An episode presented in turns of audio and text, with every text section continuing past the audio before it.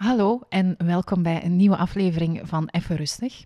Vandaag uh, is Hein mijn co-host en wij verwelkomen samen Rick Vera, keynote speaker, auteur, papa, opa van uh, kleindochters met palmstaartjes en vooral een uh, eigenwijze wereldverbeteraar die waarschijnlijk wel wat zotte avonturen heeft en we hopen die hier dan ook een klein beetje te horen te krijgen.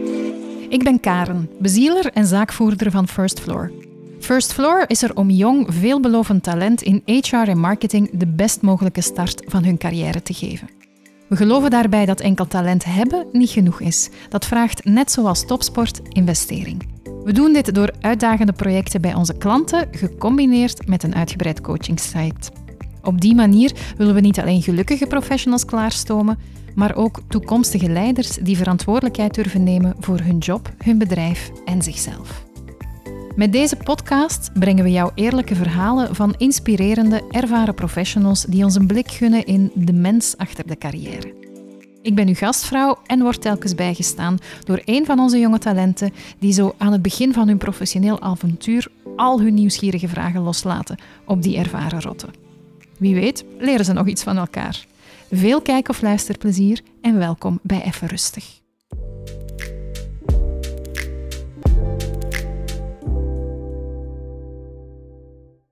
Dag Rick, welkom. Dag Karen. Hoe is het? Uh, goed, goed. Fijn hier te zijn. Altijd fijn bij jou te zijn. Dus, uh, ja, dankjewel. Ja, ik zei het al, ik vind het fijn dat je in jouw drukke schema uh, tijd hebt gemaakt om ook met ons te komen babbelen en jouw verhaal te vertellen. Toen heb ik geantwoord dat ik een beleefde jongen ben die heel goed opgevoed is en als je een belofte maakt, dat je die moet nakomen. Dus, ja. Inderdaad. Vandaar. Maar dat is niet de reden waarom ik hier ben. Ik ben hier gewoon graag. Ik weet het, ik weet het. Um, nu, Rick, ik heb al kort jou eventjes gesitueerd, maar voor de mensen die niet weten wie jij bent, wie, wie is Rick Vera? Uh, je zei het al, hè, ik ben een kinospreker, dan ben je zo'n one-man traveling circus die, uh, die de wereld rondreist um, om van, uh, van de ene plek naar de andere je ding te doen. Um, je ding doen, dat is mensen proberen te inspireren, mensen mm -hmm. te proberen energie te geven. Um, en in het, het, begin dat ik dat deed, was het meer um, proberen jouw boodschap te brengen. Mm -hmm. En naarmate je dat langer doet, en ik denk ook naarmate je ouder wordt, uh, probeer je steeds meer impact te maken. En impact ja. uh, zit op dit ogenblik, en die zei het al, hè, wereldverbeteraar. Um, papa, grootvader, en dan begin je toch wel, ik denk, terecht zorgen te maken over de toekomst ja. van mijn kleinkinderen. Um, en vind ik dat ik daar wat moet aan doen. En de, de, de mogelijkheid die ik gekregen heb, ook voor mezelf gemaakt heb, om op het podium te kunnen staan en mensen te kunnen toespreken, mm. te gebruiken om mijn klein beetje impact te maken op de wereld. Mm. Oké, okay, fijn. Ik ben al boeiend. Allee, ik ben al benieuwd naar wat dat er daar allemaal aan vooraf gegaan is. Nu, ik zei het al, ik heb um, elke aflevering een co-host. Ik word vandaag geflankeerd door twee heren. En één We daarvan... gaan dat goed doen, hè? We gaan ons best doen. Eén daarvan is Hein. Hein, um, dezelfde vraag aan jou, hè, voor, voor wie jou nog niet kent. Wie, wie is Hein? Uh, ik ben Hein, witvrouw. Uh, mm -hmm. Achternaam. Wauw, wat een mooie naam. Ja. Ja, ja. Niet ja. veel voorkomend. Um, uh, HR consultant bij, bij First Floor. Um, voor negen maanden nu ondertussen, al, sinds januari. Um, ik uh, heb politieke wetenschappen gestudeerd, geschiedenis gestudeerd en uh, ja, op een of andere bijzondere wijze bij First Floor terechtgekomen. Daar ga ik jullie nu nog even van besparen. uh, daarvoor moet je misschien naar de site van First Floor kijken. Ja. en um, ja, voor de rest ben ik heel blij om hier te zijn, om Rick beter te leren kennen. Dus, ja. ja. Had je al zo prangende vragen of dingen dat je zegt van daar, daar ben ik nieuwsgierig naar? Ik heb er hier een heel aantal opgeschreven en er is al één in mij opgekomen met je introductie, uh, Rick. Maar ik weet niet of dat het al de bedoeling is die, dat ik die nu al vraag. Maar, gooi, uh, gooi eens in de groep, jongen. Wel, ik zal misschien direct beginnen met een heel filosofische vraag. Je gaf daar net al aan dat je, dat je um, zag in de wereld waar dat je kleinkinderen nu in opgroeien, dat je een beetje zorgen maakt. En een van mijn vragen was, omdat je nu toch wel redelijk wat kennis hebt en ervaring hebt... Um, met de huidige, uh, of met de vroegere maatschappij, nu dat die geëvolueerd is. Sta jij op dit moment nogal pessimistisch uh, tegenover de manier waarop dat de maatschappij aan het evalueren is? Of heb je nog altijd een optimistisch beeld dat het uh, kan veranderen? Oeh, dat is, dat is, meteen, dat is meteen een zware. Voilà, ik heb het gezegd. Je, je haalt ook meteen... Um, een heel belangrijk element aan. Ik ben oud genoeg om uit het oude te komen. Mhm. ik, heb, ik heb de dingen zien veranderen. En doordat je de dingen ziet veranderen. En ik, ik noem me graag een filosoof, omdat een filosoof is iemand die, die het aandurft of aan kan om even uit de dingen te stappen en op de dingen te kijken. En niet de dingen alleen maar te beleven, maar ze ook te bekijken, te observeren. En daar um, zo um, neutraal mogelijk, unbiased mogelijk, over uh, daarnaar te kijken en dat proberen te interpreteren. Dus um, de, de vraag, heel vaak ben ik enkel met observeren bezig. En uh, het observeren um, leidt ertoe dat ik op dit ogenblik puur qua observatie moet zeggen, mm, het loopt niet zo lekker met, met mens en maatschappij op dit ogenblik. Uh, betekent dat ik daar pessimistisch over ben? Dat is dan weer mijn eigen inborst. Mijn eigen inborst is dat ik lust van al positief in het leven sta. Dus ook weiger om te geloven dat het slecht gaat aflopen en um, blijf pushen en mezelf blijf pushen om te geloven dat we er nog wat aan kunnen doen. Um, maar ik ben er wel van overtuigd dat als we er wat aan willen doen, aan een heel pak van de problemen die op ons af aan het komen zijn en waarvoor heel veel mensen hun kop in het zand steken en niet mm. willen zien. En dan heb ik het niet enkel over, over klimaat, maar ook over het, eh, over het hele sociale weefsel uh, van onze samenleving. Um, ik denk dat als we er wat aan willen doen, dat het nu het moment is om er wat aan te doen. Dat we niet zoveel tijd meer hebben om ervoor te zorgen dat we dat kantelpunt terug in de goede richting krijgen. Hmm.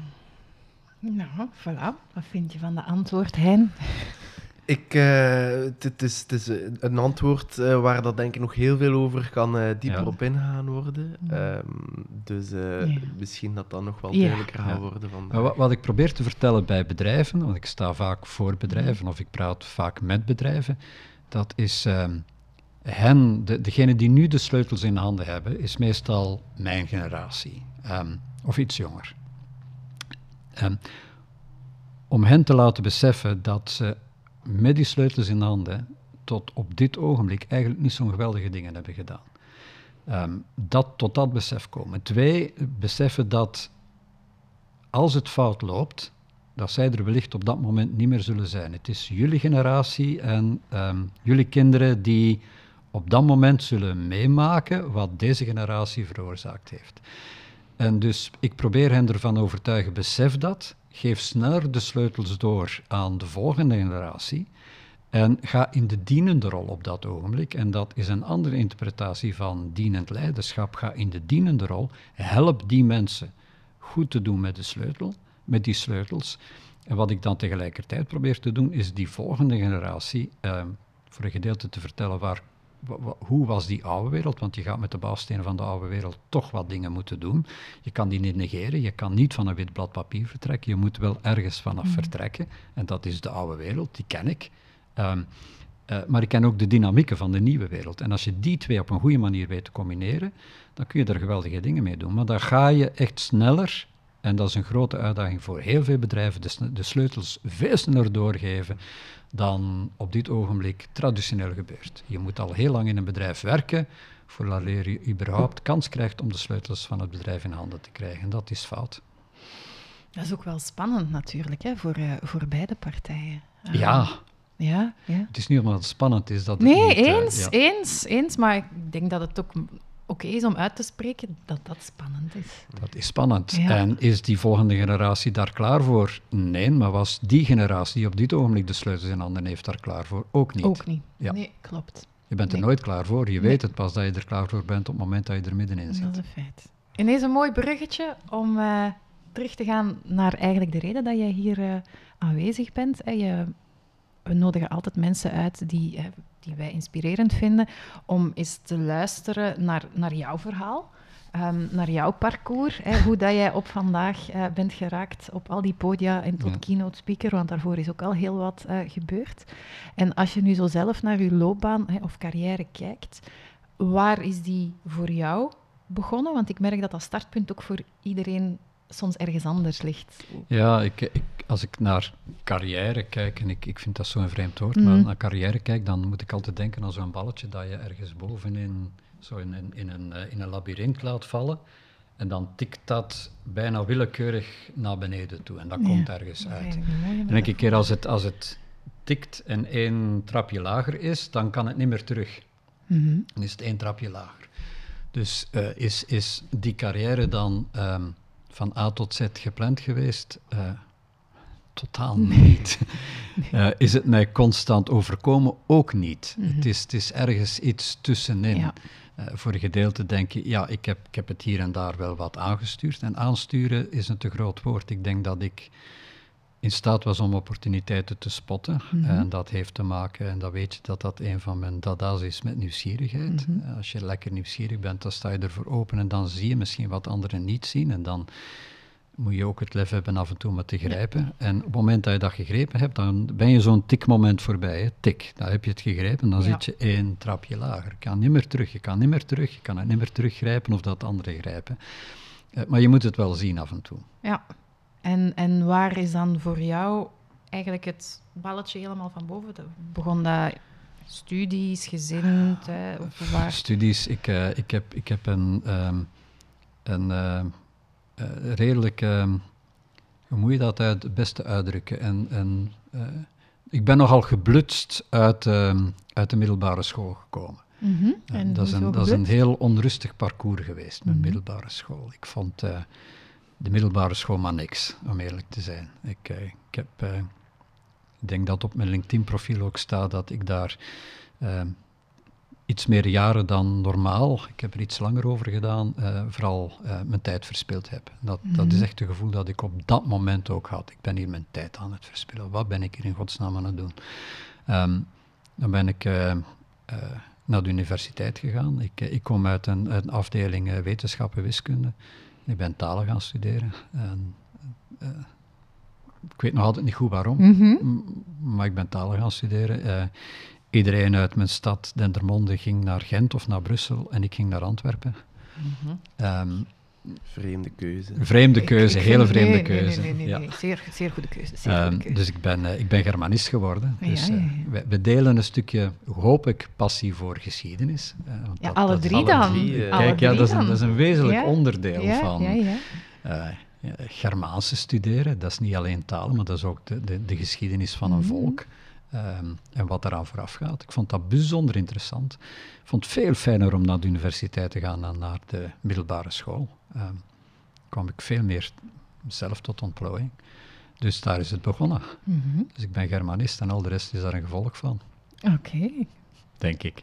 En dan dat gevolg. Hoe is, hoe, hoe, is dat begonnen? Dus je bent afgestudeerd, dat parcours is dan voor jou aangenamer en vlotter gelopen dan het middelbaar? Uh, je stu ik studeerde af en ik, kom, ik ben oud genoeg om uit de generatie te komen die nog legerdienst moest doen. Ik was de oudste thuis, dus ik moest oh, okay. legerdienst doen. Um, en mensen hadden me ingefluisterd, als je al gehuwd bent, dan krijg je een betere legerdienst. Dus uh, in, mijn, in mijn laatste jaar op de universiteit uh, was ik al een getrouwd man. En uh, ik, uh, ik kreeg inderdaad een geweldige job tijdens. Uh, en eigenlijk is het daar begonnen. Ik kreeg een geweldige job in mijn tijdens mijn legerdienst. Ik mocht lesgeven. Mm -hmm. um, lesgeven aan de kadettenschool in Laken. Okay. Dus ik heb lesgegeven, één vol jaar lesgegeven als burger in het leger, als legerdienst. Geweldige legerdienst. Dus ik heb twee dagen uniform gedragen en al de rest uh, moest ik een pak aan. Dat was ook de eerste keer dat ik een pak aan moest. Dat was de eerste dat ik mijn, mijn, mijn haar, dat toen lang was, knipte. Um, de man die zijn haar kort liet knippen, toen -hmm. letterlijk. en ik heb een jaar lesgegeven en... Um, ik had het vooruitzicht om op die school te mogen blijven. Ja, dat kan ik me voorstellen. Uh, getrouwd, mijn vrouw was zwanger, uh, we hadden een huis gekocht en ik mocht op de school blijven. Dus uh, dat was mijn carrière. En toen besloot een of ander minister om die school op te doeken en die mm. samen te laten vloeien met Lier. En daar ging ehm, mijn carrière in het onderwijs. En toen moest ik wat anders beginnen zoeken. En toen begon dat balletje, anders was dat balletje wellicht boem. Ja. Carrière, onderwijs. En wie weet had ik mijn hele leven in het onderwijs gezeten, hadden we nooit deze podcast gedaan. Um, en had ik blijven mensen, dat deed ik graag hoor. Um, leerlingen meenemen. Het, het, is ook het geweldigste vak ter wereld. Hè. Mogen mensen meenemen in een taal, mogen mensen meenemen in literatuur. Dat is toch geweldig om dat te mogen doen. Dus wellicht dat ik dat blijven doen. Ja, ja. trouwens legerdienst. Ja. ja, mijn vader heeft het ook nog gedaan, maar zelf heb ik het uiteraard niet gekend. Je hebt er niks aan gemist, jongen. Mm, ja. Het leek me wel, ik ben wel benieuwd hoe dat, dat moet geweest zijn, maar uh, ja, ik denk inderdaad dat dat niet voor mij was geweest. Uh. Ja. Klinkt inderdaad als een ander. Mijn vader heeft dat ook nog gedaan, uiteraard. En ik denk mijn neven, die ook allemaal een paar jaar ouder zijn dan mij, ik denk dat dat wel de laatste generatie was. Maar... Het is toch een ervaring rijker, denk ik dan. Uh... Ik heb, wij, wij, wij kregen, ik heb in alle eerlijkheid, ik heb denk ik drie dagen opleiding gekregen en um, must be the worst three days of my life. Hm. Zo, heel de tijd in... Uh, maar dat was ik ook al aan het denken. Heel de tijd alles geregeld voor jou hm. en, en geen zeggingschap. Nee, voilà, gewoon, gewoon gehoorzamen. Ik word daar zot van. Ja. Als, als dat een paar maanden had geduurd, had ik, uh, het heette dat cachot, had ik daar geëindigd, gegarandeerd. ik kan dat niet. Als er regels zijn, moet ik ze overtreden. Misschien Vooral als ik je daar uh, omscholen tot een gehoorzame burger. ja, Hadden ze al in vooruitzicht. Gelukkig is dat niet gebeurd.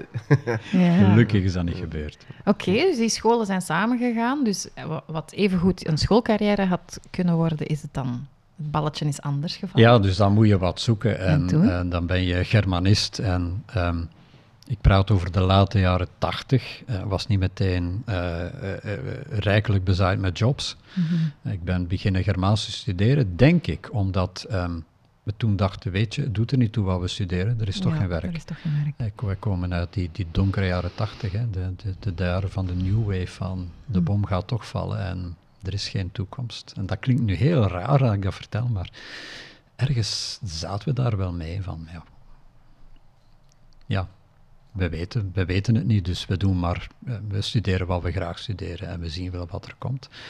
Dus daar heb je een diploma waar je eigenlijk ehm, weinig mee kan, behalve lesgeven. Mm -hmm. maar je, je, weet je, dan, dan ga je in sales, hè. ja. Je kan, je kan lesgeven, je kan met mensen praten, dus je gaat in sales. Dus mijn eerste job waar ik ooit voor solliciteerde was in sales. Um, dat heb ik een maand of zes gedaan. Dat was geen meevaller, om diverse redenen. Ik ga het ook bedrijf niet noemen. Het mm. was geen meevaller, eh, totaal niet. Slechte omkadering, ehm, slechte verkoopdirecteur. En ik denk, het enige wat ik toen gedacht heb is, als zo'n mensen verkoopdirecteur kunnen worden, dan kan ik dat ook. Ik denk dat dat het enige was wat me in mijn hoofd speelde. Dus bij een tweede bedrijf gesolliciteerd. Ehm, en dat was mijn habit. Dat was een heel fair, eerlijk bedrijf. Ehm, waar ik uh, ook in de verkoop ging. En ik bleek een goede verkoper te zijn, omdat ik een slechte verkoper was. Ik kan niet verkopen, ik kan mensen geen dingen wijsmaken, ik kan dingen geen, mensen geen dingen verkopen die er niet zijn. Maar ik zat in een eerlijk bedrijf waar ik uh, kon vertellen wat dat bedrijf deed, zonder enig probleem.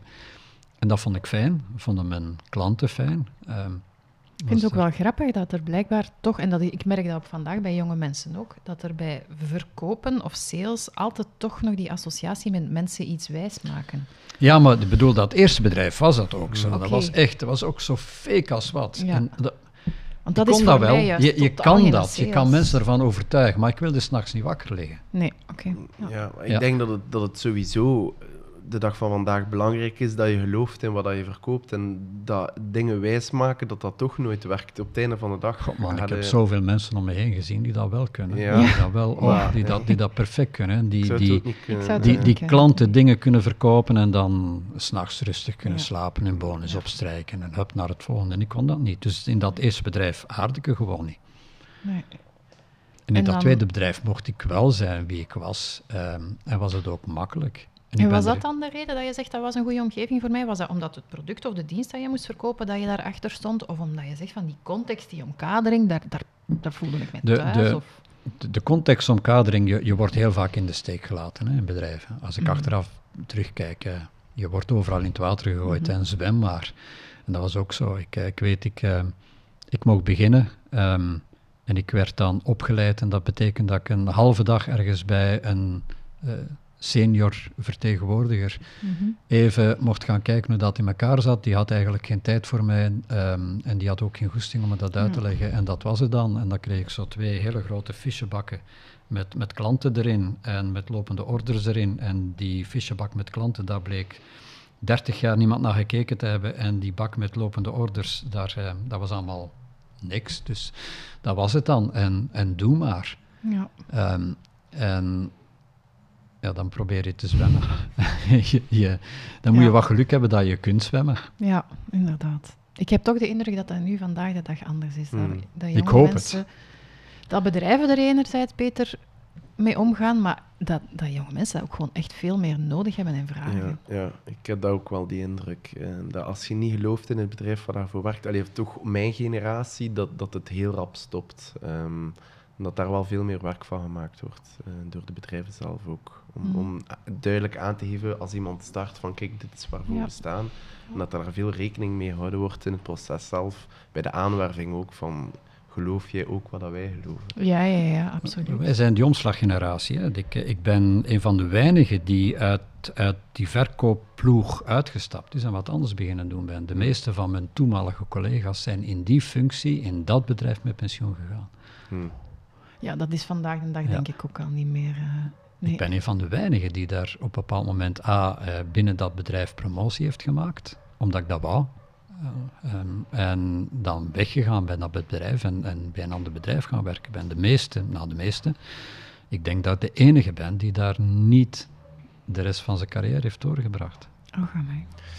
Maar ja, ik, ik, wil nu niet um, de, de um, chronologie hijacken, maar heeft dat, is dat ook niet, heeft dat ook niet te maken met hetgene wat, dat, wat dat jij dan doet en, en wat dat jij dan vertelt op de dag van vandaag in de bedrijfswereld, dat het net de bedoeling is dat je steeds meer gaat onderscheiden en dat je steeds meer um, een andere aanbieding moet geven aan, aan klanten. Uh, en in tegenstelling tot vroeger, in de jaren tachtig dan, dat het eigenlijk gewoon iedereen verkoopt gewoon zijn mhm. ding. En dat het de dag van vandaag veel, dat je veel meer moet differentiëren en op een andere manier tegenover je klanten moet staan. En ook tegenover je, je werkgevers, je werknemers moet staan. Om, om toch het, het andere te zijn en misschien het, het, het betere te zijn dan, dan, dan de bedrijven die eigenlijk iets heel gelijkaardigs verkopen. Het is dubbel. Ik voelde me er thuis omdat ik ehm, mezelf daar mocht zijn, kon zijn, uh, heel fijn met mijn klanten kon omgaan zonder het gevoel te hebben van ik heb ze hier iets, uh, iets, iets wijs gemaakt, ik heb er iets beloofd dat ik niet kan nakomen. Dat was heel fijn. Maar ik kwam er heel snel achter en dat verklaart ook waarom ik denk ik um, de, de, de middelbare school tijdverlies vond. Dat ik uh, gewoon van, van nature uit onrustig word van rust. Als, de dingen, als de dingen gewoon lopen en verder kabbelen, wat heel veel mensen fijn vinden, dan word ik daar heel onrustig van. Uh, ik, ik, haal heel graag de dingen uit elkaar om ze uh, opnieuw in elkaar te zetten en te kijken of dat dan beter is. En als dat beter is, dan ga ik het toch terug uit elkaar halen om te kijken of het nog nooit beter kan dan dat. En um, ik werd, op de duur was, was dat, dat die veilige omgeving begon dan als een, als een keurslijf te voelen. Van, ik, ik mag hier niks veranderen, ik kan hier niets veranderen. De, mijn, mijn toenmalige verkoopdirecteur, die is daar ook met pensioen gegaan uiteindelijk, die heeft in de 40 jaar dat hij daar gewerkt heeft, niets veranderd. Hmm. En dat heeft 40 jaar gewerkt, alleen ik werd er. Ik werd er zo onrustig van, hmm. dus ik moest wat anders doen. Het heeft ook met mijn inborst te maken. Hmm. Dus niemand begreep waarom ik daar wegging, want het is een, een goede omgeving. Ik, ik aarde daar perfect. Ik kon bijna met mijn, met mijn vingers in de neus elk jaar mijn targets halen. Ehm, maar ik werd er gek. Omdat ik, dingen wilde veranderen en, en omdat dat niet mocht, niet kon. En voor een gedeelte had die man gelijk. Hè. Die is daar 40 jaar succesvol mee geweest.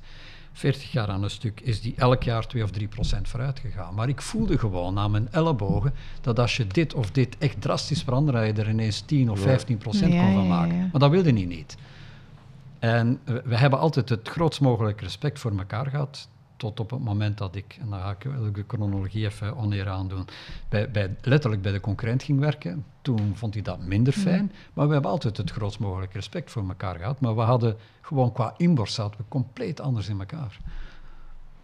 Ik vind het echt mooi samengevat. Ik word uh, onrustig van rust. Ja, ja. ja. dan ga ik het... Uh, en, en ik, ik heb dat ook achteraf gezien. Als ik, uh, ik, ik heb daarna heel veel binnen een bedrijf veel departementen gedaan. Telkens ik in een departement gezet werd. Oh, Rick, je bent goed. En op het moment dat ik op een departement gezet werd en ik mocht daar op het winkeltje passen, ja, dan werd ik, ik was heel slecht om op het winkeltje te passen, want dan ga ik het winkeltje verbouwen. En als het winkeltje goed is en ik ga het verbouwen, dan neem ik risico's en dat vinden de meeste bedrijven niet fijn. Nee. Dus ik was altijd heel goed om op de, op de slecht lopende, rommelige, ja. caduke winkeltjes te zetten, want dan mocht ik die uit elkaar halen. En de kans dat als ik ze opnieuw in elkaar zette, ze dan beter, waren, was. vrij groot. Maar merk je dan een verschil met de, de, de filosofie of de mentaliteit van bedrijven of bedrijfsleiders de dag van vandaag met vroeger? Is dat nog altijd die mentaliteit van de schrik om, om te gaan veranderen? Uh, of, of is dat anders dan vroeger? Ik denk dat die. Dat, kijk, bedrijven zijn nog altijd gemaakt om ehm, standvastig te zijn. En bedrijven zijn nog altijd gemaakt om zoveel mogelijk van datgene wat ze doen om te zetten in processen en procedures. Hmm. Wat voor een gedeelte ook nodig is. Je moet een bedrijf manageable maken. Maar op het moment dat je een bedrijf manageable maakt, dan, dan giet je het behoorlijk vast. Hmm. En op het moment dat je het behoorlijk vast gaat gieten en je, je, je duikt daar constant in en je durft daar niet meer uit te stappen om daar op te kijken, dan wordt dat om duur hoe je een bedrijf leidt. En dan per definitie wordt een bedrijf rigide, wordt een bedrijf steeds ehm, ja, uh, meer gebuiteld in, in, in arduin. En steeds moeilijker, wordt het steeds moeilijker om daar iets vloeibaars van te maken. Hmm. We even net, en ik denk dat dat niet alleen deze tijd is, ik heb nooit anders gevoeld. Het, het gevoel, de wereld om ons heen verandert.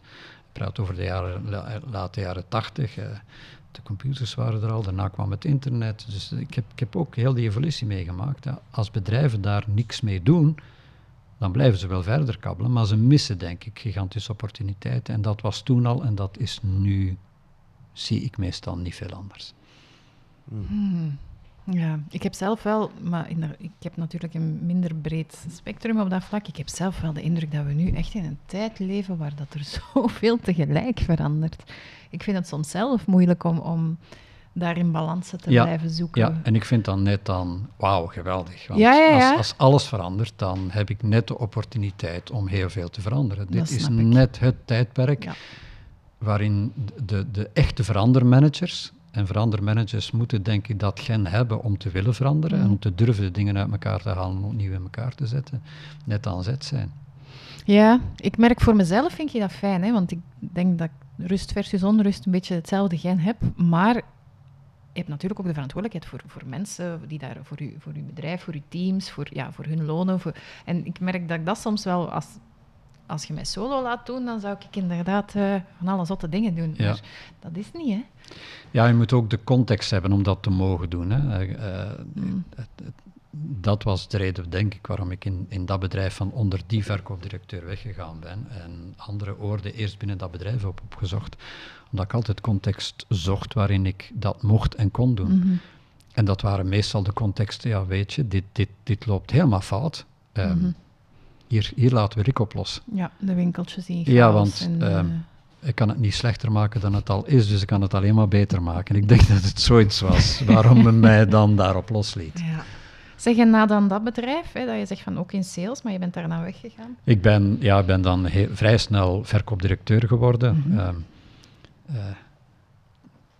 je wordt dan verkoopdirecteur en dan denk je, wat, wat moet ik nu in godsnaam gaan doen?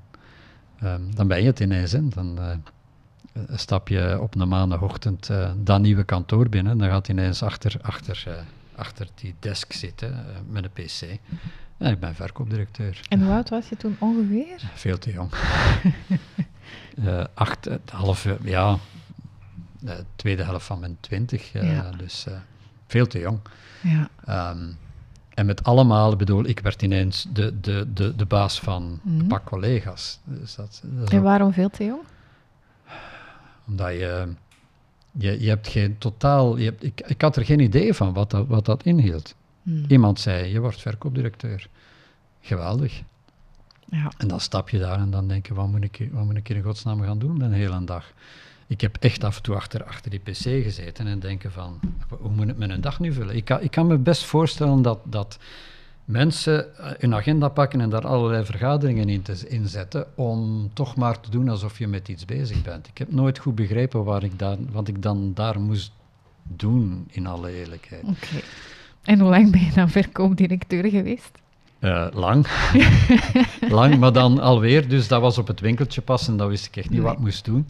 Uh, als het winkeltje verbouw was, dan vond ik dat fijn. Ja. Dus ik heb dan diverse afdelingen gekregen uh, binnen, binnen dat bedrijf. de, de, de meest trotte eerst, en dat vond ik altijd geweldig om, die, mhm. om die op te kuisen. En um, daar iets moois van te maken. En opkuisen, wat wil dat dan zeggen? Uh, opkuisen, ik, eh, opkuisen niet in de zin, ik ben nooit het soort manager geweest dat, uh, dat heel veel mensen on, ontslagen mhm. heeft. En ik heb het af en toe moeten doen, jammer genoeg. En um, men, nieuwe mensen binnenhalen, opkuisen was meestal, laten we eens kijken wat we hier hebben en wat we ermee kunnen doen. Ik, ik, het is Lego, hè. Um, er ligt een, een hoop Lego-blokjes en wat kunnen we met die Lego-blokjes doen? En meestal ligt daar geen hoop, daar is een lelijk huis mee gebouwd. En dan haal je dat lelijk huis uit elkaar je kijkt welke blokjes dat je hebt. En dan bouw je daar iets mee mee. En ja, af en toe heb je een paar blokjes die niet passen. Oké, die pak je dan niet mee en heb je een paar blokjes tekort en die proberen dan aan te werven. En, en om het zo wat concreter te maken, omdat er ook wel, vrij veel jonge mensen en starters luisteren, als je dan zo iets, een, een lelijk Lego-huis uit elkaar haalt, bedoel je dan dat je nieuwe producten of nieuwe processen of nieuwe marketing mensen, of nieuwe vooral mensen. En ik heb, ik heb kijk, en, uh, we, we, zitten, uh, het gaat over HR. Ik heb nooit met een blauwprint gewerkt. Ik heb nooit met een blueprint gewerkt. Mhm. Ik haat een blueprint. Okay. Dus telkens als ik de kans kreeg om mijn eigen managementteam te maken, mijn eigen team te maken, begon het niet, oh, ik heb een verkoopdirecteur nodig en ik heb uh, een productontwikkelaar nodig en ik heb een, een, productiedirecteur nodig.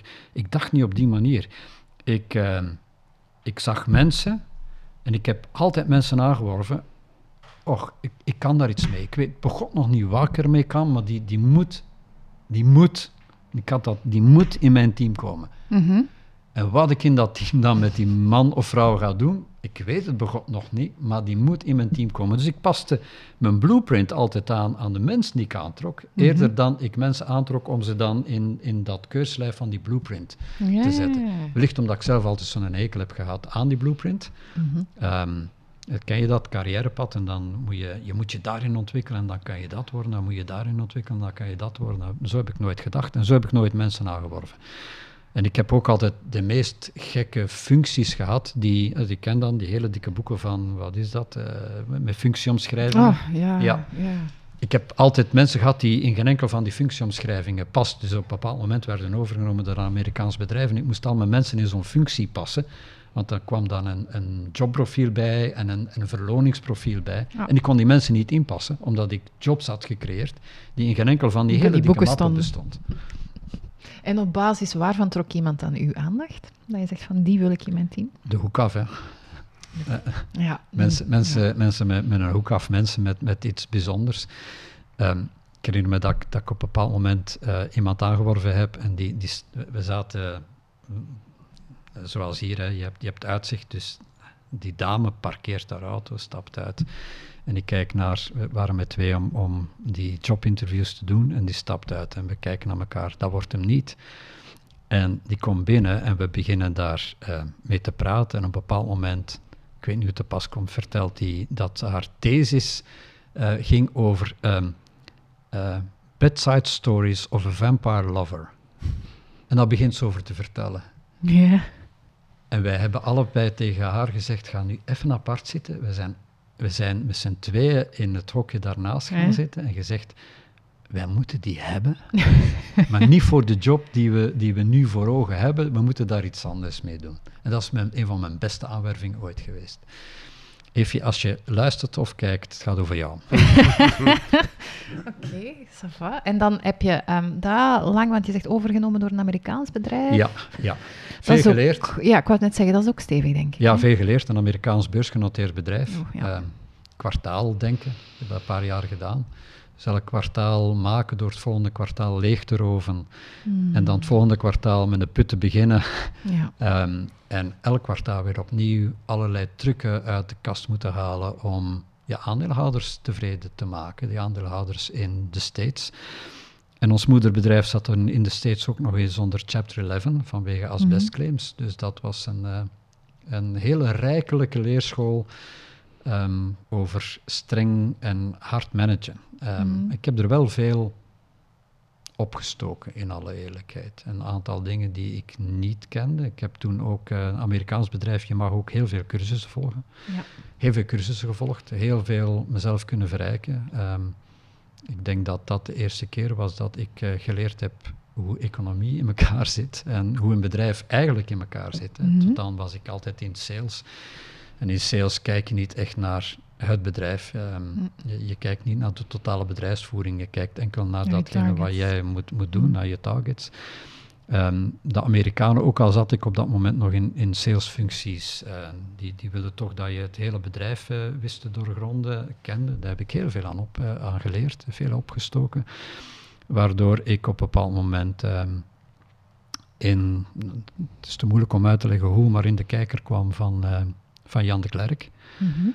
Um, die me vroeg om twee van zijn zwaar verlieslatende uh, bedrijven te komen leiden, um, incluis uh, productie.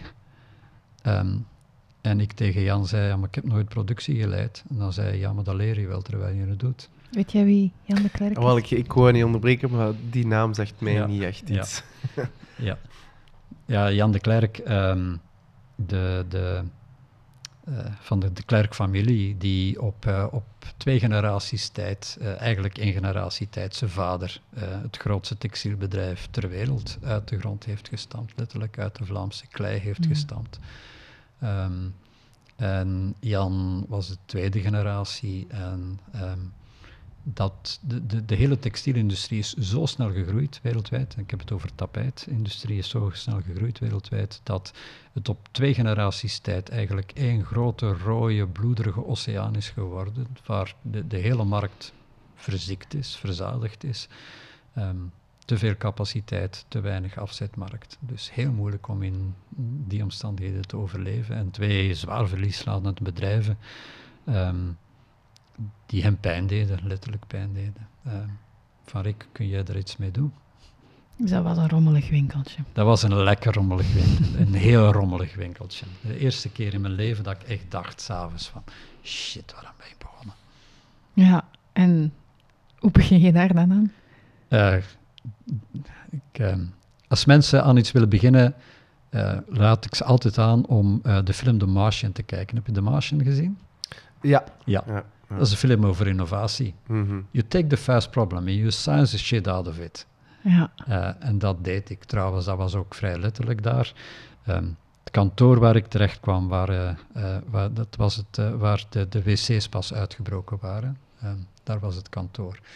En na twee dagen moeilijke vergaderingen kwam er achter dat er één gat gebleven was. En dan aan de andere zijde, waar al de bedienden zaten, men precies kon, uh, kon horen wat ik in die vergaderruimte aan het vertellen was. Dus uh, dat soort omstandigheden. Slim. Mm -hmm. Ja, ja. oké. Okay. Ja. En, en hoe, hoe begin, want dan was je nog altijd relatief jong, hè? Ja. En dan komt zo inderdaad een, een, een, een textielgigant naar u van, ja, Rick, help. Ja. Um, ja, maar dat is ook altijd makkelijk als het, als het al helemaal fout loopt. Ja, ja, wat je zei, er kan, het kan niet erger worden. Ja, kan het niet erger worden. Het was echt, maar zo erg heb ik het nog nooit. Ik wist niet dat het kon zo erg. Um, maar dan, dan heb je ook, ik bedoel, dan heb je de baasstenen. Dus ik, ik, ik ben heel slecht met een start-up, mm -hmm. omdat je dan geen baasstenen hebt. Ik werk ja. graag met baasstenen. Ja. Uh, ik heb als kind ook gepassioneerd altijd met Lego gespeeld. Nooit de, de bouwinstructies gevolgd, altijd mijn eigen dingen mm ge, gemaakt. En dat betekent als je dan zo ik weet niet, bestaat er nog de, hoe heet dat, waar je, waar je als kind dan naartoe moest om getest te worden. Um, Zo kind en gezin? En, ja, zoiets. Of, of, ja, ja, voor op school, ja. CMS? Of ja, zoiets. Nee, nee, ja. Ik, ik ben het kwijt. Ja, dat ja, ja, dat ding, dat ding, dat ding, dat ding. Er werd altijd, ik speelde met Lego, ah, je moet ingenieur worden. Um, dus ik was zo'n kind dat altijd gepassioneerd met Lego allerlei dingen aan het maken is. Was. En eigenlijk vond ik daar mijn Lego-blokjes terug. En uh, kon ik daar dingen mee doen. En dan ja. is het mensen om je heen verzamelen mm -hmm. die, ik ben, ik ben zo'n dromer, um, die altijd wilde ideeën heeft en die A in staat zijn om jouw wilde ideeën, en bij mij gaan die alle richtingen tegelijkertijd uit, om die om te zetten in een tijdlijn, om die om te zetten in acties, om het van mij te kunnen hebben dat ik droom, en dat constant groot droom. Um, die dat kunnen hebben, die dat ehm, die daar niet gek van worden en die dat kunnen omzetten in iets wat ik niet kan, in een tijdlijn en in, in een actieplan. En ik kan dat dan wel hebben, dat iemand dat doet. Mhm. En dat iemand zegt, die droom dat is geweldig, Rick, maar even niet. Mhm. En dat kan ik ook hebben. Mhm. Maar ik moet wel mensen hebben die kunnen appreciëren of die kunnen, die kunnen hebben dat ik die Dat dromen jij zotte heb. ideeën en dromen hebt. Eh, en dan kon ik mij concentreren op datgene wat ik het liefst doe. Dat is eh, eh, hele grote groepen mensen meenemen in zo'n gepassioneerd verhaal. En dat was bij mij vanaf mijn, mijn salesorganisaties die wereldwijd zaten, tot de mensen op de werkvloer die elke dag eh, naar de fabriek kwamen eh, om Mhm. de machines te laten draaien. Ehm, Maar om die te inspireren en, en daar een, een soort winning spirit in te krijgen. Dan heb je toch eigenlijk al van op heel jonge leeftijd een, een groot zelfvertrouwen gehad. Ik, heb mij nooit, ik heb nooit last gehad van een gebrek aan zelfvertrouwen. Ah, wel, ja, nee, maar dat Ja. is toch, want ik vind dat echt niet vanzelfsprekend om op zo'n jonge leeftijd eigenlijk op dat soort sleutelrollen dingen mee vorm te gaan geven. Want dat is wat dat je deed in de kern. Hè? Mensen inspireren, maar ook bepaalde zaken terug vorm gaan geven. Ehm, terwijl ik nu, en Hein spreekt me gerust tegen, bij heel veel jonge mensen behoorlijk wat onzekerheid zie. Durf allemaal. Ik, het, is, het, het, is, eh, het, is des, het is Pipi Langkous. Hè. Ik ben, op dat vlak Mm. ben ik Pipi Langkous. Hè.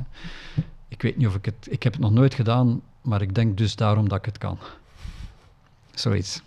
Zie jij jezelf al een bedrijf binnenstappen binnen twee, drie jaar en zeg van oké, ik ga dat hier eens even mee gaan... Ik was eh, niet slimmer of Mm. niet... niet, niet, niet dan- Nee, het was omdat Rick daarnet zei dat hij eind eh, of midden de twintig was toen dat hij de sales manager werd. Mhm. Dan dacht ik al in mijn eigen, oh my god, ik, ik ben zelf nu eh, 27 en ik zie het mijn eigen niet doen. Eh, nee, nee. Maar waarom, niet. en ik heb me dat altijd afgevraagd, en ik, dat kon ik op dat moment me, mezelf wel voorstellen. Waarom is iemand op dat moment van 47 beter geplaatst om dat te doen dan ik? Ja, in, in mijn ogen is het gewoon puur die ervaring die dat je niet hebt. Dat is misschien een, een sprong in type. En, en eh, ik denk dat er velen die, die, die die sprong niet durven wagen. En dan zoiets hebben van, ja, laat het maar over aan de mensen die, die het wel al gedaan hebben. Of die, die, die het willen Ja, doen. maar in veel contexten koken mensen allemaal met hetzelfde water en ze gebruiken allemaal hetzelfde recept. Mm. En dan leiden ze iemand op om weer dat recept eh, toe, toe te passen.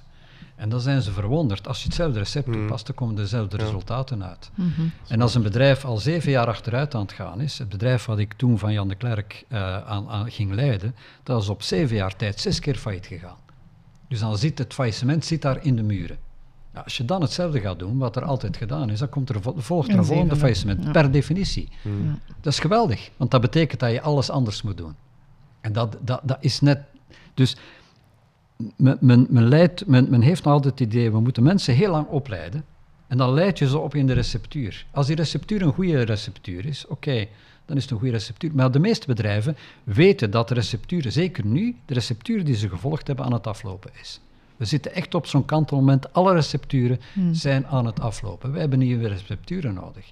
En wie, wie zegt dat iemand van 40 of 50 beter geplaatst is om een nieuwe receptuur te bedenken? Of iemand van 20 minder goed is? Ik denk dat het te maken heeft met welk, hoe zit je in elkaar? En ben je iemand die, dat, dat, dat klinkt verkeerd, hè, maar die creatief kan zijn, die met bouwstenen iets anders kan doen. En dat heeft niks met leeftijd te maken. Nee, dat is waar. Maar ik, ik heb wel zo altijd het idee van als je ehm, bijvoorbeeld 40 bent of 50 en je hebt die ervaring gehad met eh, hoe het niet moet, dat dat wel altijd een extra bijdragen is van oké, zo moeten we het niet doen en misschien moeten we het dan op die manier aanpakken. Daarom, daarom, daarom hè, even, even omdraaien. We, we hebben nu de, de jonge mensen die krijgen een dienende rol. En de anderen die worden gediend en die leiden. Ik denk dat het, en die leiden en die hebben de ervaring. Ik denk dat het net omgekeerd moet. Dat je niet per se jonge mensen, maar mensen die durven de dingen anders Ja. in elkaar te zetten, aan het roer moet zetten. Nu zeker in veranderende tijden. De winkelveranderaars, die moet je aan het roer zetten. En de anderen, die krijgen een dienende rol. En dat is geen minderwaardige rol, maar dat is een andere rolinvulling. Dat is niet meer leidend. Ik, ik ga uitstippelen waar we naartoe gaan, want ik weet al waar je naartoe gaat. Hetzelfde dan gisteren. Hetzelfde dan gisteren is niet goed genoeg. Wij hebben dus mensen nodig die morgen kunnen definiëren als iets nieuws en iets anders. En wat zijn zo recepten die volgens jou moeten veranderen vandaag? dan word ik heel passioneel, sorry. Ja, dat is goed. Ja. En wat zijn zo recepten die, die voor u moeten veranderen Ehm, in het bedrijfsleven? je weet, hè, ik, ik, ik wil dat alle bedrijven een nieuwe KPI invoeren. Mhm. De Net Curiosity Score. We moeten veel nieuwsgieriger terug leren zijn. Mm de, de, ik, ik, ik heb kleinkinderen en dan herontdek je de, de, de films van Disney. En ik ben niet zo'n Disney-fan. Ik vind het te, te, middle of the road. Um, maar de, in, ik, de, op een bepaald moment zit naar een scène te kijken en dan denk ik, oh, die heb ik nodig, die ga ik gebruiken in, in mijn keynotes. En dat is de scène in Assepoester. Mm Assepoester wil naar het bal. En ja, ze staat daar in haar lompen en ze heeft niks om naar het bal te gaan. En dan verschijnt de goede fee. En de goede fee komt aan met de, met de pompoen en de muizen, die, die, die muisjes. En Cinderella kijkt ernaar en zegt, dit wordt hem niet. En dan zegt de goede ik, oh, dit moet ik gebruiken. Cinderella, kijk niet naar de dingen zoals ze zijn, maar leer leren naar de dingen kijken zoals ze zouden kunnen worden. En ik denk dat we dat veel meer nodig hebben in mm. bedrijven. Wij hebben de neiging om naar de dingen te kijken zoals ze zijn en dan die incrementeel te verbeteren. We moeten naar de dingen leren kijken, niet zoals ze zijn en die een beetje verbeteren, maar kijken, wat kunnen we daarmee doen, wat kunnen we daarmee maken, wat kan het worden? Dromen. En dat heeft met nieuwsgierigheid te maken. Um, als ik naar mijn kleinkinderen kijk, die denken daar niet over na, die, die, die, die bedenken wat. En die hebben geen limieten. En daardoor bedenken die geweldige dingen. Wij denken te veel in limieten en in snel veranderende tijd, die had het erover. Is dat geen voordeel? Nee, dat is een stukje inderdaad dat dromen, die visie, dat visionaire, dat creatieve, maar dat dan ook inderdaad durven. Um, zijn dat dan zaken die je zegt van dat, dat zou ik aan jonge mensen meegeven van zet daarop in? Ja, en ook het, het, het aandurven, of zeker vooraf, nou, je moet wel de context krijgen, je moet de mogelijkheid mhm. krijgen, je kan ze niet gaan afdwingen. Uh, dus het is eigenlijk ook een oproep aan de oudere generatie. Gun, kijk, als, als ik jouw directeur zou zijn, waarom zou ik niet op een bepaald moment zeggen, weet je, probeer het eens. En ik ga je steunen. Want zonder steun ga je er niet komen, maar ik ga je steunen. En dat betekent niet, ik ga je leiden, maar ik ga je ondersteunen. Op het moment dat je nood hebt aan feedback, als je nood hebt aan een beetje baansof, als je nood hebt aan een beetje klankbord, als je nood hebt aan, oh, ik mis dit of ik mis dat, dat je bij mij kunt komen aankloppen, waarom zou je het niet kunnen? Maar die context moet wel geschapen worden. Ja. En dan moet jij wel het geloof hebben dat je het kan doen, dat je het mag doen. Ehm, en ook het lef hebben om op het moment dat je ergens tegenaan loopt. En dat heb ik in mijn carrière gemist, om ergens te kunnen gaan aankloppen. hey, hier loop ik tegenaan ik, ik, heb het geluk gehad dat ik in de beginjaren van het internet zat en dat ik heel veel gevonden heb op mm. het internet. Mm. Op een bepaald moment had ik, moest ik een strategie bedenken. Ik zat echt in een, in een, in een gigantisch probleem. Ik had te veel dealers. Ehm, want de dealers kosten mij geld, want dan moest ik uh, stalen materiaal naartoe doen en point-of-sales materiaal en ik had de centen daarvoor niet. Maar zonder dealers had ik de omzet niet. Dus ik zat in een soort cash-22. Zonder omzet kon ik me geen materiaal veroorloven en zonder materiaal kon ik eigenlijk mijn, mijn had ik te veel dealers. En ik wilde mijn dealers niet afbouwen. Dus hoe raakte ik er hieruit? En op een bepaald moment kom ik erachter dat, de, dat was op het moment dat de tabakindustrie ineens geen uh, grote reclamecampagnes meer moest, uh, mocht doen. En dus op een andere manier met zijn dealers moest omgaan. En op een bepaald moment verscheen er een whitepaper over um, de Marlboro case op het internet. En die was gewoon free downloadable op het internet. En die heb ik gedownload en dat was op dat moment werd dan mijn bijbeltje, want ik zette dat om naar mijn industrie. Dus ik heb daar heel veel uit geleerd. Ehm, maar ik wou dat ik op dat moment een, een, mentor rond mij had gehad om mij daarbij te helpen en die had ik niet. Mhm. Dus het is ook een oproep, niet alleen aan jonge mensen, maar ook aan de zittende generatie. Geef die sleutels door. Ja. Maar niet zomaar doorgeven hier. En, en trek je plan. Ja. ja, want dan merk ik nu wel ook echt, um, allez, voor mijn eigen generatie ook, maar vooral de, de jongere generaties, dat, dat er heel veel aangemoedigd wordt voor, voor creatief na te denken en creatief te zijn. Niemand wordt nog zo in een, in een hokje geduwd, iedereen ook in de, in de lagere school. En er komen steeds meer nieuwe initiatieven mhm. om, om kinderen um, te laten doen waar dat ze mee bezig zijn en waar ze geïnteresseerd zijn. Dus ik denk dat dat inderdaad wel klopt, dat, dat die jonge mensen steeds meer de, het brein moeten zijn of de creatieve geest moeten zijn in bedrijven, maar dat natuurlijk dat kader inderdaad wel moet aangeboden worden. Merk je dat dan ook op de werkvloer nu? Hè? Je bent een klein jaar aan het werken. Um, nog niet zoals, denk ik, in, in de mate dat ik het voor ogen heeft. Mm -hmm. um, maar, dat maar zit, als ik één ding kan aanraden aan de jonge generatie, um, leer je ideeën tot uitdrukking mhm. te brengen. Mhm. Leer pitchen, leer um, je, je, je ideeën een verhaal te gieten, leer storytelling. Ja. Storytelling is oh zo belangrijk. Op het moment dat je het niet kunt vertellen En vertellen betekent, als ik het kan vertellen, zodanig dat iemand die mijn verhaal hoort, daarna het verhaal kan doorvertellen, dan heb je het goed verteld. En dat is een, dat is een kunst mm. die we, denk ik, nog te weinig beheersen. Absoluut. En die ik echt aanraad aan alle jonge mensen. Als je een droom hebt, dat is maar de eerste stap. Leer die droom omzetten in een verhaal en leer dat verhaal brengen. En dat is soms hard werken. Ja.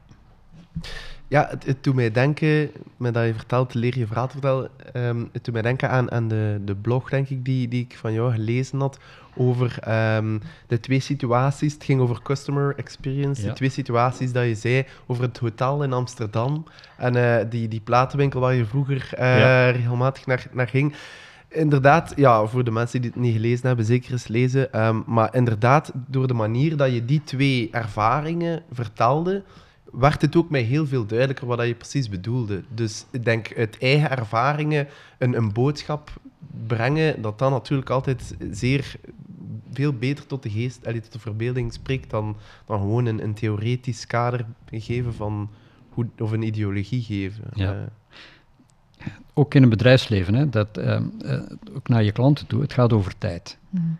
Um, en tijd is, dat is, een, dat is een heel vreemd ding. Uh, tijd is iets, dat is het enige wat je niet kunt kopen. tijd tikt voortdurend verder, dus uh, als je tijd verliest, als je tijd steelt van iemand, dan pleeg je eigenlijk een misdaad. Dus op het ogenblik dat je met een, met een droom zit en je zegt, oh, en ik, je krijgt de kans om met, met iemand te praten en die droom te vertellen en te hopen van die mee te nemen in, in, grijp die kans dan. Want als je die niet grijpt, dan heb je je eigen tijd, maar ook die tijd verspild. Um, en op het moment dat je een droom vertelt en die iemand gaat in die droom mee, dan heb je op dat moment zijn of haar tijd verrijkt. Daar gaat hij daar dankbaar voor zijn. Tijd is, is mijn grootvader zei altijd, elastieke tijd. Een tijd kan heel kort zijn en tijd kan heel lang duren. Mhm. Als wij een minuut stilte vragen en we gaan nu een minuut stil zijn rond tafel, dan gaat die minuut verschrikkelijk lang duren. Als we daarna vertellen hoe lang die geduurd heeft, dan zijn er zo drie minuten voorbij zonder dat je het beseft. Dat is elastieke tijd. En dan, we moeten veel meer beseffen, onderling en ook naar onze klanten toe, ook naar onze, naar onze mensen toe met wie we samenwerken, dat, we, dat tijd een, een, eigenlijk bijna de, de, de, de factor is die maakt of iemand graag ergens is, graag ergens werkt of niet. Dat is een mooie. Ja. Tijd. Absoluut. Hoe dat je je tijd beleeft en hoe, dat, hoe dat je dat ervaart eigenlijk. Ja, we zijn wellicht ook de enige diersoort mhm. die een besef heeft van tijd. Ja, klopt. En die daardoor ook dat, dat de tijd um, kan manipuleren. En als je kijkt naar de evolutietheorie, dan gaan we heel diep, maar ik ben een nieuw boek aan het schrijven en ik ben heel mhm. veel over de evolutietheorie aan het, aan het lezen op dit ogenblik, dan, dan merk je dat de natuur um, wezens heeft gemaakt en dat het eigenlijk één grote race is naar het, het, het maximaliseren van je tijd. Mhm. Ehm, het mhm. hele leven, leven is, leven is tijd. Ja, ja, ja. En maximaliseren van die tijd. Dus de hele... Er het meeste uithalen. Ja, de meest, nou, niet alleen het meeste uithalen, maar ook die, die tijd te rekken, om zo lang ah, mogelijk te, te, te leven. Ja, ja, ja. En mens is daar ongelooflijk in geslaagd. Ja, ja. brengt andere discussies met zich mee. Natuurlijk over kwaliteit, maar ja, maar ja, dat zijn dan andere. Um, zeg Rick, er zijn zo een aantal zaken die ik... Um, die ik zelf regelmatig gebruik of naar verwijs of vertel. Eén heb je al verteld, het, het assenpoester. niet kijken naar de dingen zoals ze zijn, maar zoals ze kunnen zijn. Ja. Ehm, een ander is het, uh, jouw acroniem in jouw laatste boek, HART. Vind ik uh, een hele schone voor bedrijven. En ik besefte mij nu net, een Iets dat ik ook heel vaak gebruik, is jouw metafoor tussen de uh, Formule 1-rijder en de surfer. Ik denk zelf dat ik in jouw sollicitatiegesprek, ja. Hein, dat nog aan u heb verteld. Ja. En, en, en, een collega van mij, Nina, zei het gisteren ook nog, dat de, die acroniem... Uh... Ja, maar kijk, maar, dat, maar dat, zijn, dat zijn dan... En dat is fijn, hè? Ook als je... Als je we hebben het mooiste, maar tegelijkertijd het meest eenzame beroep ter wereld. Hè. Je staat op het podium en je komt eraf en er is altijd de, de eeuwige twijfel van, noem het maar even, van de artiest. Uh, je weet mm. altijd welke dingen je gemist hebt, welke dingen beter hadden gekund. En je komt van het podium, ontvangt je, je, je applaus en je stapt in je auto of op de trein of op het vliegtuig terug. Dan heb je heel veel tijd om erover na te denken. Ik ben dus ook constant bezig met het verbeteren van mijn keynotes. Altijd, altijd, mhm. altijd. Mijn, vrouw wordt er gek van. Ben je weer bezig? het was toch af? Nee, het is nooit af. Um, dus, maar, maar dan zo'n reacties doen ongelooflijk veel plezier. Op het moment dat je dan merkt van, oh, een aantal beelden die je gebruikt hebt. Ik heb ook dat Mhm. strandstoelenmodel. Je hebt Mhm. zo'n aantal beelden die je gebruikt, waarvan je voelt van, och, die blijven hangen. En mensen gaan dat dan ook gebruiken. Ja, Houtprincipe, eh, honest, ethical, authentic, responsible, transparent.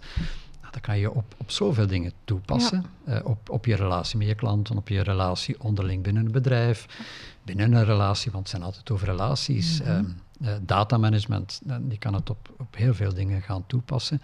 En inderdaad, dat beeld van, ehm, dat was een beeld dat, ik- dat ik letterlijk ergens een keer ter plaatse bedacht om iets uitgelegd te krijgen. Het verschil tussen een Formule 1-piloot en een, en een eh, surfer. Herinnert u het u nog, Hein? Ik herinner het mij nog. eh, Vertel eens, voor de, eh, voor, voor- vertel eens voor de luisteraar. Een, eh, een Formule 1-piloot die, ehm, eh, als die op de baan, allee, op, op het parcours rijdt, op het circuit rijdt, dan is dat eigenlijk altijd op voorhand al heel hard eh, vastgelegd over hoe dat hij bepaalde bochten moet nemen, Ja. ook hoe dat zijn auto in elkaar zit, hoe dat hij er moet rijden enzovoort, wanneer sneller, wanneer trager. Dus dat is allemaal heel hard op voorhand beredeneerd. Ehm, maar een surfer is iemand die op de golven, eh, met de golven meegaat. En dat is heel hard afhankelijk van, van de golf, hoe dat hij daarmee omgaat. En ehm, ja, Ja, ja, ja. ja En Karen... beide vereisen Ja. een vaardigheid, maar Ja, een totaal Het is andere een totaal vaardigheid. andere vaardigheid. Bij, bij mij, ik, ik, iedereen heeft het gezien, denk ik, eh, op, op Netflix, ehm, eh, Formule Mhm. One. Hm. Ehm, en op een bepaald moment zie ik, ik weet niet meer wie het was, die, die eh, zie je zitten en met zijn ogen dicht, met stuur in zijn handen, rijdt hij een volledig rondje. Hier, in zijn hoofd. En dacht, oh, dat, dat is precies hoe de meeste bedrijven hun Mhm. bedrijf leiden. Die, die hebben het volledig in hun hoofd en dit ga ik precies uitvoeren. Als er een aantal parameters veranderen, dan weten ze compleet niet wat ermee te doen. Terwijl een surfer, elke golf is anders. Die, die begint niet met, ik weet al wat die golf gaat worden. Die, die, die, die komt daarboven en dan begint het. Hè? Ehm, en die, weet, die, die moet instantly, constant beslissen. Tuurlijk heeft hij dingen geleerd. En tuurlijk zitten er bepaalde vaardigheden in. Maar het is wel ongelooflijk, letterlijk vloeibaar. En anders elke keer. Terwijl zo'n circuit leren volledig uit het hoofd. Wel, Rick, dus ik gebruik die metafoor in onze sollicitatiegesprekken. Klopt. Om te zeggen van, kijk, eigenlijk, wij, ik, ik zoek mensen die willen leren surfen. En wij willen van jullie goede surfers maken. Ja. Ja. Ja. Die gaan we veel nodig hebben in bedrijven, want er komen nogal wat golven op ons af. Ja, absoluut. absoluut. Zeg, Rick, en hoe ben je dan eigenlijk van het bedrijfsleven tot keynote spreker? eh? Eh, ja, dan moet je het, dat is terug zo'n balletje, hè, ting. Ja. Ehm, eh, het, het bedrijf waar ik, wat ik voor Jan de Klerk uitgebouwd heb, op een bepaald moment is dat winkeltje klaar. Mhm. winkeltje wordt daar letterlijk in de, in de etalage gezet voor een ander winkeltje, wordt verkocht. Ehm, en dan, om, om, door een aantal omstandigheden, moet je, er, moet je er even uit. Dat heeft met contracten te maken en met afspraken te maken, moet je er even uit. Ehm, en moet je even in de wachtkamer voor je ergens anders opnieuw kunt beginnen. En die wachtkamer is het beste geweest wat ik ooit gehad heb. Dat was het moment, hè, iedereen heeft dat meegemaakt tijdens COVID-19, zo het moment waarbij je een keer uit je red race stapt en Mhm. op je red race kunt kijken, was voor mij de eerste keer in 20 jaar dat ik uit de red race stapte en een keer op de red race kon kijken. Mhm. En dacht van, ik ga dit niet meer terug doen. Ik heb, ik heb het nu wel gehad. En eh, terug elke dag de druk, want ook al ben je het winkeltje aan het verbouwen, het moet wel, eh, moet wel iets opleveren op een bepaald moment. Dus op, ik, ik betrapte mezelf erop dat ik op de duur obsessief met cijfers bezig was. Dat elke ochtend het eerste wat ik deed was mijn telefoon opentrekken en, en naar de cijfers kijken. Hoe heeft Engeland het gedaan? Hoe heeft Frankrijk het gedaan? Hoe heeft Duitsland het gedaan? En slechtgezind zijn als er een slecht cijfer tussen zat. Terwijl een dagcijfer is eigenlijk zo onzinnig als wat. En ik wist Mm. dat en toch werd ik eraan. Werd ik verslaafd eraan. Dus ik, even eruit dacht ik, oh, ik ga dit niet opnieuw doen. Maar wat ga ik dan wel doen? Ehm, en ik had, eh, om het verschil te kunnen maken met mijn concurrenten, altijd gefocust op twee dingen. Was op, op extreem met mijn klanten bezig zijn en niet met producten bezig zijn en technologie gebruiken. Ja. Ehm, en Microsoft kwam heel snel eh, bij me aankloppen. Rick, kun je ons komen helpen? Microsoft Nederland.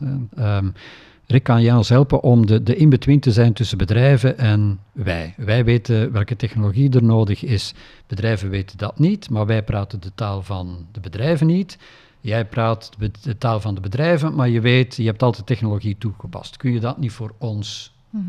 komen doen.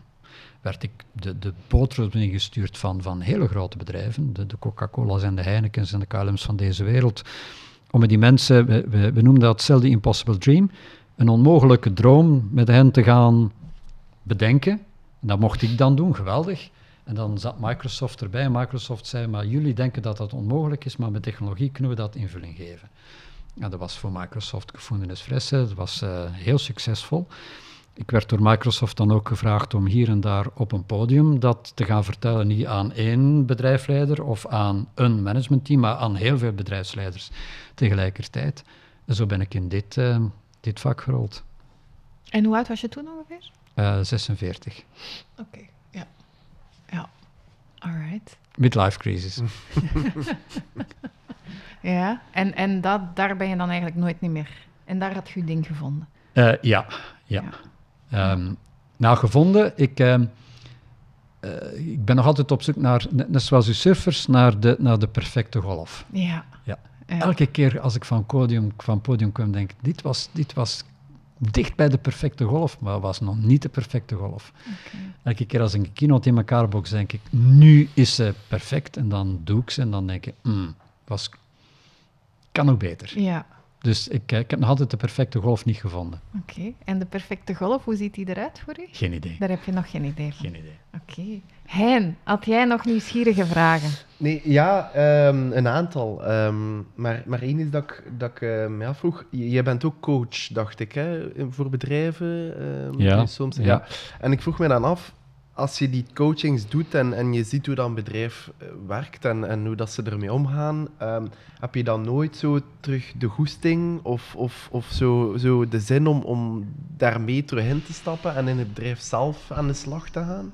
Um, tijdens COVID-19 heeft het wat gekribbeld, omdat, omdat ik dan um, ook uh, mijn rat race, want het is een nieuwe rat race, ik zit terug in een rat race. Ja. Het, het one-man circus.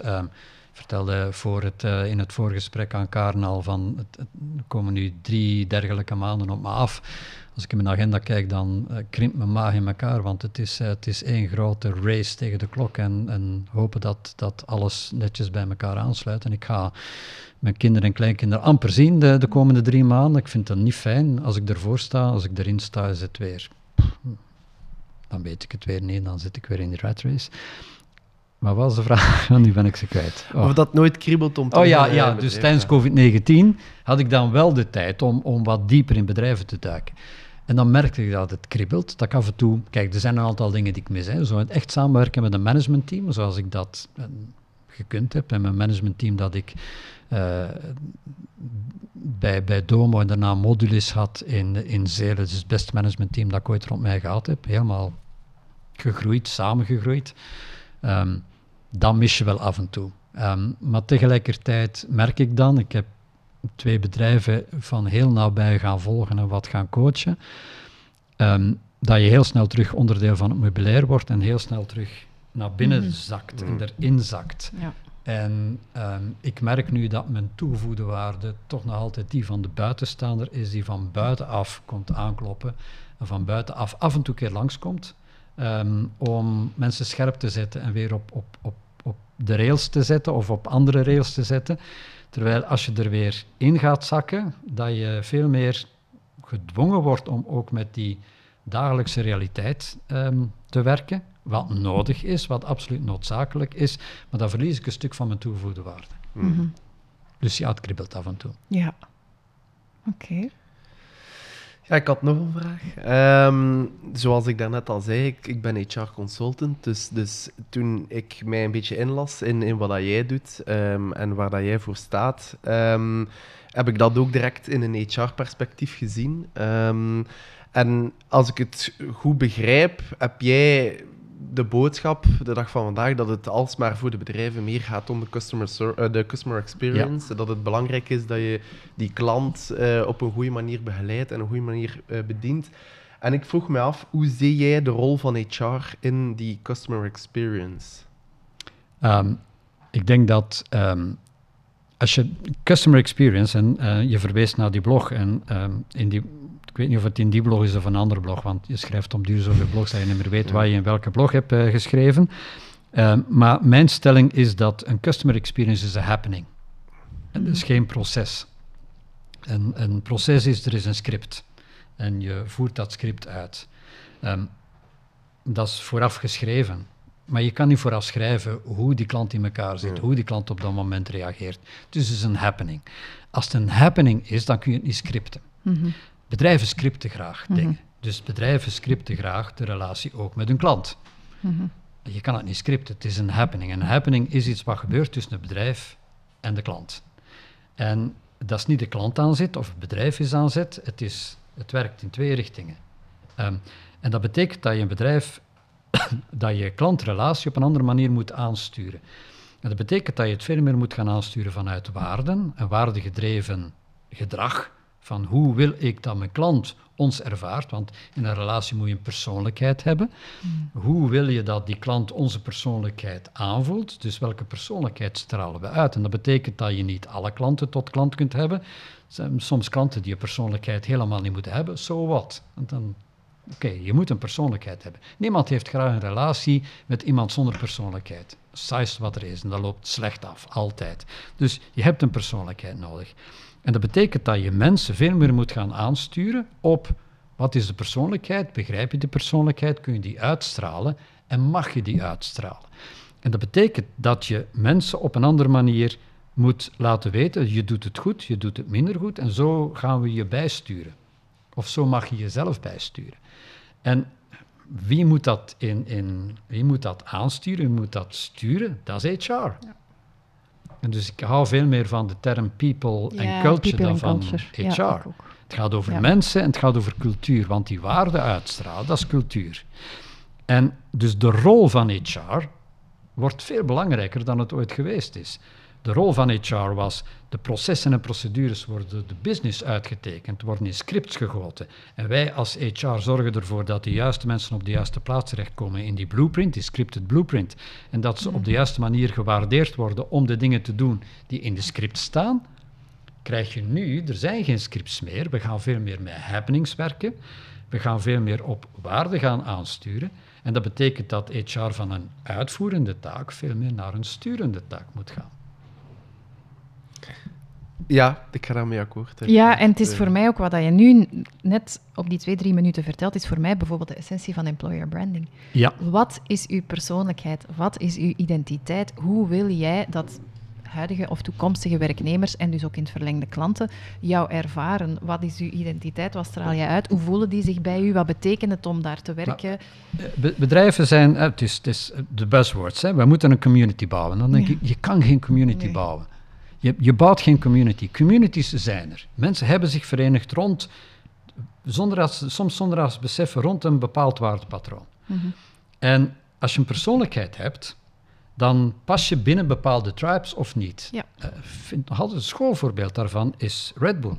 Mhm. Red Bull is ongelooflijk hot in een aantal communities. Die communities hebben zij niet gemaakt. Zij passen gewoon binnen de community. En de community heeft hen omarmd als oké. omdat ze een duidelijke identiteit Precies, omdat ze een heel duidelijk profiel hebben. Een beetje als Apple ook eigenlijk. Ja, ja. met het innovatie en challenging the status quo. Dat je, als je eenheidsworst probeert te zijn, ja, dan trek je heel veel van heel weinig aan. Hè. Ja, maar we zitten niet meer in tijden van, van eenheidsworst. Vandaar, ik zei het al, ik hou niet van middle of the road. Middle of the road, dat, je, je, merkt dat middle of the road leegloopt. En mensen zoeken naar waarde, naar waardepatroon. Mhm. Dus je moet durven om, en dat is weer dat hart, je moet durven eerlijk zijn, ethisch zijn, authentiek zijn. En authenticiteit is niet waar je...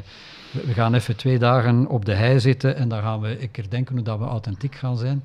Dat is een zelfvernietigend woord op dat moment. dat ben je of dat ben je ja, Precies. En Dus wat ben je? Welke persoonlijkheid heb je? Als een persoon zijn als bedrijf, hoe zou je er dan uitzien en, en waarom, hoe, zou je mensen dan, hoe zouden mensen jou dan benoemen? Ja. En dan pas je binnen een, een community of je past daar niet in. En mensen willen dan voor jou werken of met jou werken of niet.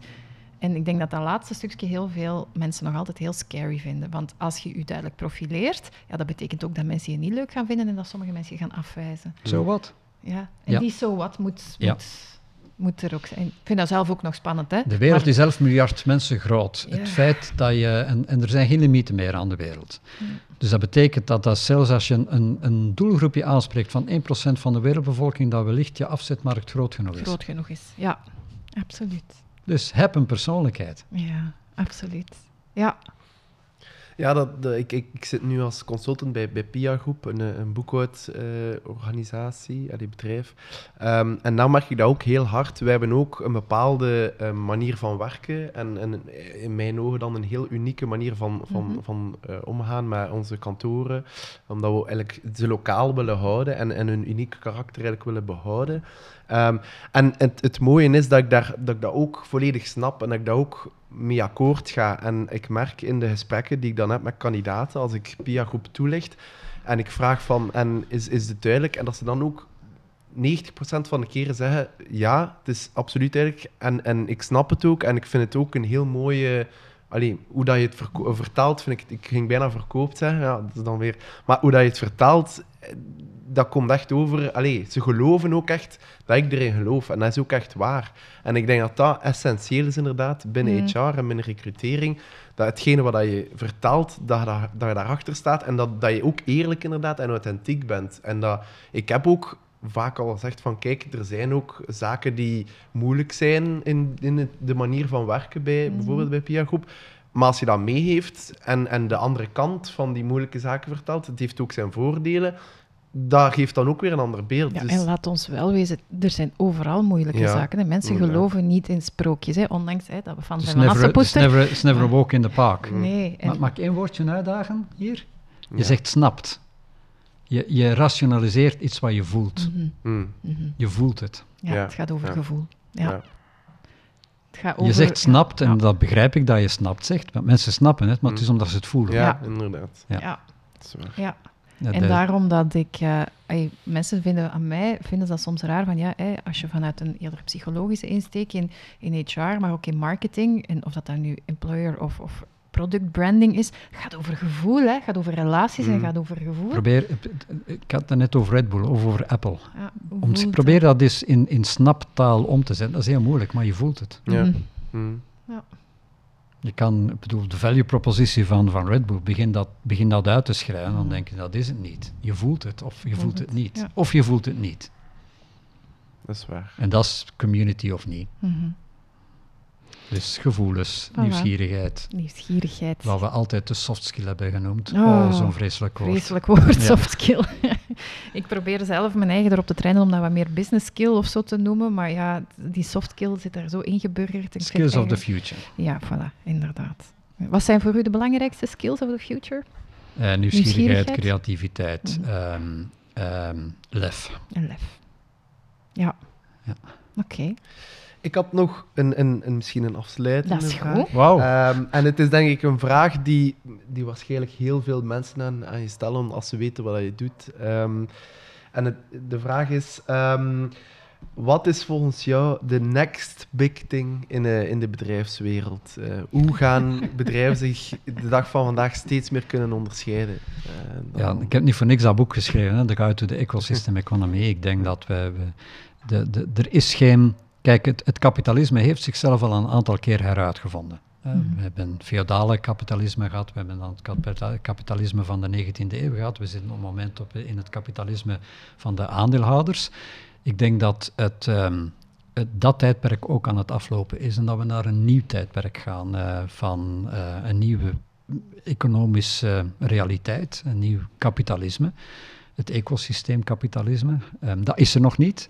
Ik weet niet precies hoe dat, dat er gaat uitzien. Ik ben ook te weinig econoom om dat op een economische manier in te vullen. Um, maar ik heb wel geprobeerd om daar een, een, een gids naartoe te schrijven. Mm -hmm. um, mensen lezen dat dan en denken, uh, vragen me dan, en wat zijn de voorbeelden? Dan zeg ik, ja, die voorbeelden zijn er nog niet, die voorbeelden zullen er komen. Dat is altijd heel vervelend voor mensen.